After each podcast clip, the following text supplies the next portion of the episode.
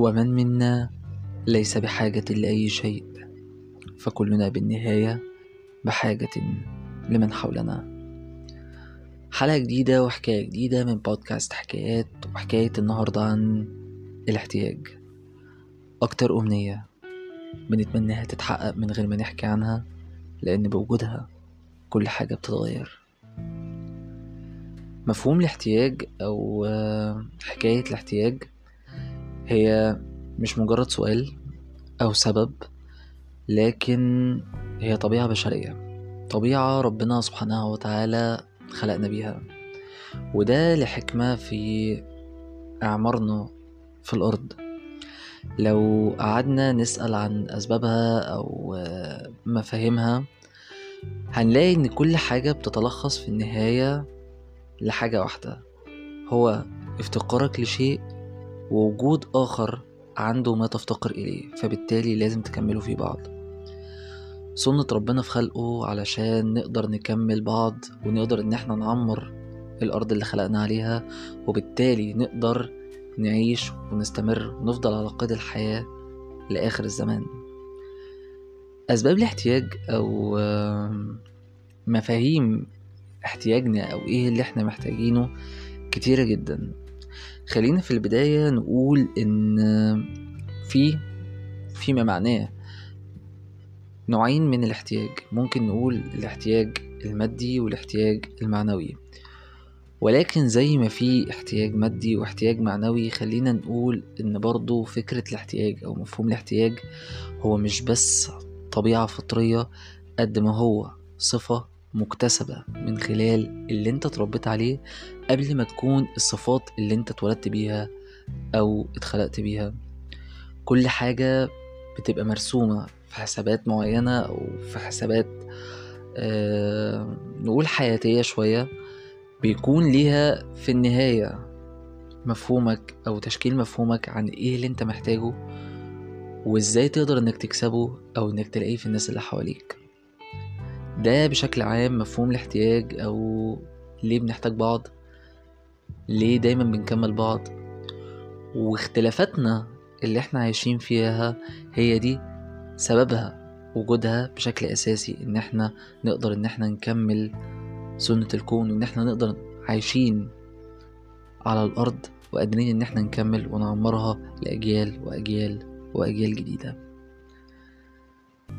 لو جينا اتكلمنا وقلنا إن زي ما في الاحتياج الفطري أو القدرات اللي إحنا اتولدنا بيها أو اتخلقنا بيها في برضو احتياج مكتسب أو احتياج بسنة الحياة أو بتفاصيل الحياة اللي إحنا عشناها بتخلي دايما في احتياجات لينا مستقبلية.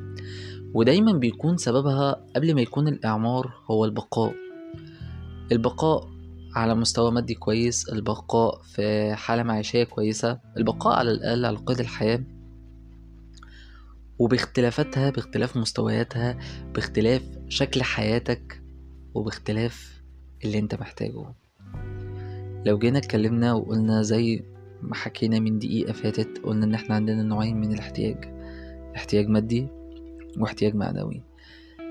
ولو إحنا ده بنتكلم فيه في الصفة المكتسبة أو الاحتياجات المكتسبة. الاحتياج المادي دايما هتلاقيه بيتشكل معاك في أكتر من شكل. ممكن يكون فلوس ممكن يكون وظيفة أنت بتدور عليها أو مشروع أنت بتحاول إنك تحققه بشكل ما أو بآخر. أي حاجة بالنسبة لك هي تعتبر ذات قيمة أو إنك بتدور عليها بشكل ما أو بآخر إن هي بتسبب لك معنى أصلي في حياتك. لو جينا اتكلمنا وقلنا إن من زمان قوي من بداية الخلق زي ما بيقولوا هتلاقي دايما إن الإنسان كانت دايما احتياجاته قبل ما تكون احتياجات معنوية هي كانت احتياجات مادية. إحساسه بالجوع هو اللي علمه الزراعة بسبب احتياجه للأكل. إحساسه ببرد الشتاء وبالظروف الطبيعية المحيطة حواليه هي اللي خلته يلجأ للكهف هو اللي طلبته أو احتياجه للمبيت. فبالتالي احتاج للبيت وبدأ إن هو يعمل مبدأ العمارة أو فن العمارة. أي شيء في حياتك بيكون مكتسب وليه قيمة ملموسة في حياتك قادر فيما بعد إن هو يعوضك بالاحتياج الجسدي. أو احتياج بقائك على قيد الحياة ده بنسميه الاحتياج المادي. في اوقات كتيرة جدا كل ما زاد حجم احتياجك كل ما زاد طلبك لناس أكتر فيه. مش لازم كل حاجة أنت بتحتاجها تلاقي نفسك عايش فيها لوحدك أو محتاج إنك تعملها بمفردك زي ما بيتقال. ولكن ده بيخلينا نخش في النقطة التانية هو الاحتياج المعنوي. مفيش إنسان فينا بيقدر إن هو يعيش حياته لوحده. حتى آدم لما ربنا سبحانه وتعالى خلقه. أبونا آدم. خلق له حواء تكون السند والونس ليه. احتياج الإنسان بشكل ما أو بآخر لأي حاجة في حياته بيبني عليها بشكل كبير جدا. قبل ما يكون المادي هو المعنوي. إحساسك بالجوع إحساسك بالبرد إحساسك بالدفى. إحساسك إن أنت محتاج إنسان يقدر إن هو يفهمك يقدر يتواصل معاك. يقدر يفهم مشاعرك. أي حاجة أنت بتحتاجها لرغبة داخلية جوا منك ده بنرجع له للنقطة التانية. هو الاحتياج المعنوي. الاحتياج المعنوي في اللحظة دي مش مجرد بس مفهوم عن الحب. يمكن الحب بالنسبة لنا في لغة ممكن يكون مولود معنا من سنين طويلة قوي ولكن لم يتم الاعتراف بيه بالشكل الواقعي أو الشكل اللي إحنا عايشينه غير في الفترة اللي إحنا عايشينها ويمكن من مية أو ميتين سنة فاتوا. لكن قبل ما يكون في احتياج للمشاعر والرومانسية أو الحب بصفة عامة كان ده بيترجم عندنا في حاجات تانية كتير. زي الاحتواء. الناس اللي حواليك تبقى قادرة إن هي تدعمك بالشكل اللي أنت محتاجه زي التفاهم.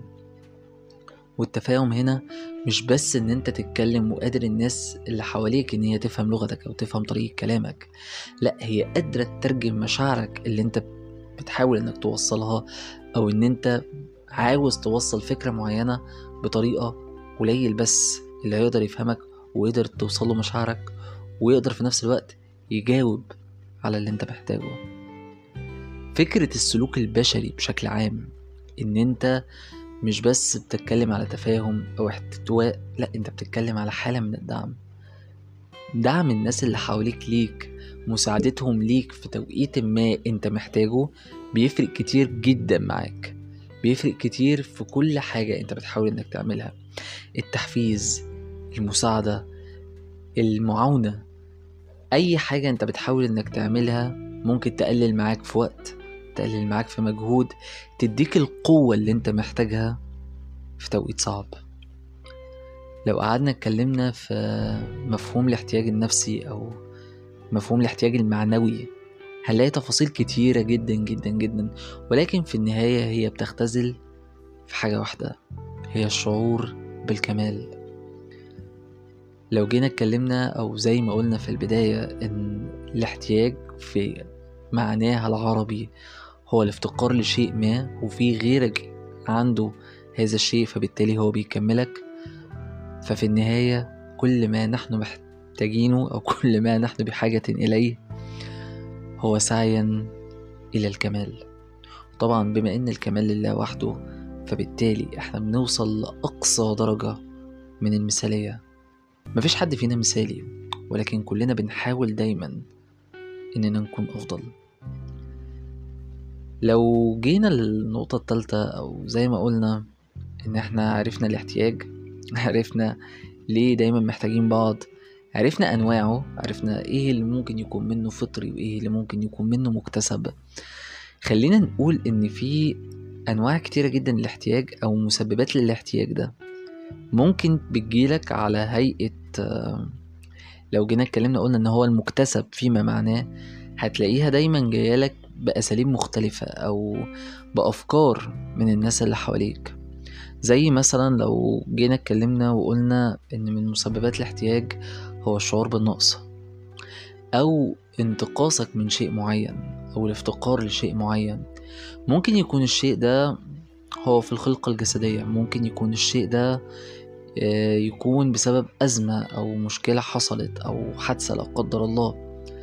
إزاي أنت قادر تدي الدعم ده للناس اللي حواليك وفي نفس الوقت إزاي أنت تكون محفز لنفسك في إنك تقدر تواجه الأزمة دي أو تقدر تواجه المشكلة دي؟ الفكرة في اللحظة دي هي فكرة إنك إزاي قادر تكون قاري نفسك كويس وإزاي تكون فاهم شخصيتك كويس قبل ما يكون كمان الناس اللي حواليك قادرة تفهم مشاعرك. طالما انت قادر تفهم مشاعرك كويس قوي طالما انت فاهم إيه اللي انت محتاجه بالظبط بالتالي سهل عليك انك لما تحتاج لحد هيديلك المساعدة اللي انت عاوزها. الحاجة التانية اللي ممكن نتكلم عليها هو نوع اسمه الملء العاطفي. الملء العاطفي هنا مش لازم بس يكون جايلك من شريك حياتك. العاطفة ممكن نقسمها في كذا حاجة. ممكن نقسمها في إحساس الأبوة أو الأمومة. ممكن نقسمها في إحساسك بالصداقة في إنك مش عايش لوحدك أو ليك الصحبة اللي تقدر إنها تسندك في يوم من الأيام. ممكن تقسمها من حيث آه، تقدير زمايلك ليك تقدير مديرك ليك في شغلك تقدير موظفينك لو أنت كنت صاحب عمل أو رب عمل. كل الكلام ده بيفرق وبيفرق أكتر كمان مع الناس اللي محتاجاه. البقاء والاستمرارية. لو إحنا جينا اتكلمنا وقلنا إن إن فكرة البقاء عامة فيما اللي انت محتاجه أو اللي انت بتدور عليه استمراريتك فيه أو نجاحك فيه أو وصولك لهدف انت عاوزه ده بيضمن لك بشكل ما أو بآخر إن انت محتاجه أو اللي انت بتعبر عنه في احتياجك. سهل جدا إنك تلاقيه لنفسك لو انت قررت إنك تدور عليه أو إنك قدرت تدي نفسك المقومات المناسبة لعمل الشيء ده أو بشكل ما طلبته من الناس اللي حواليك وقدروا إن هما يساعدوك بالشكل الكافي. أعرف دايما إن الاحتياج هو حاجة مش عيب ولكن في نفس الوقت طول ما أنت محتاج طول ما أنت هتلاقي طالما قدرت تفهم احتياجك ده. بتمنى لك كل الخير بتمنى لك كل السعادة وافتكر حاجتين مهمين جدا. إنك زي ما بتساعد لازم هتساعد. أو بمعنى تاني زي ما في مساعدة أنت قادر تقدمها للناس اللي حواليك في غيرك قادر إنه يقدم المساعدة ليك. وإن مش كل أنواع الحاجة ينفع إنها تتحكي. في حاجات كتيرة جدا. وفي شخصك أنت طالما قررت إنك تعملها بنفسك لازم تخليها في سرك ما تعرفهاش لأي حد. خلي بالك إنك دايما مش لوحدك اللي محتاج وجودك في حد ذاته كفاية إنه يشبع احتياج حد أكيد بيحبك من قلبه. بتمنى لك الخير والسعادة لمرة تانية وإن شاء الله ما تبقاش محتاج لأي حد. أنا محمود جمال وإنت بتسمع بودكاست حكايات.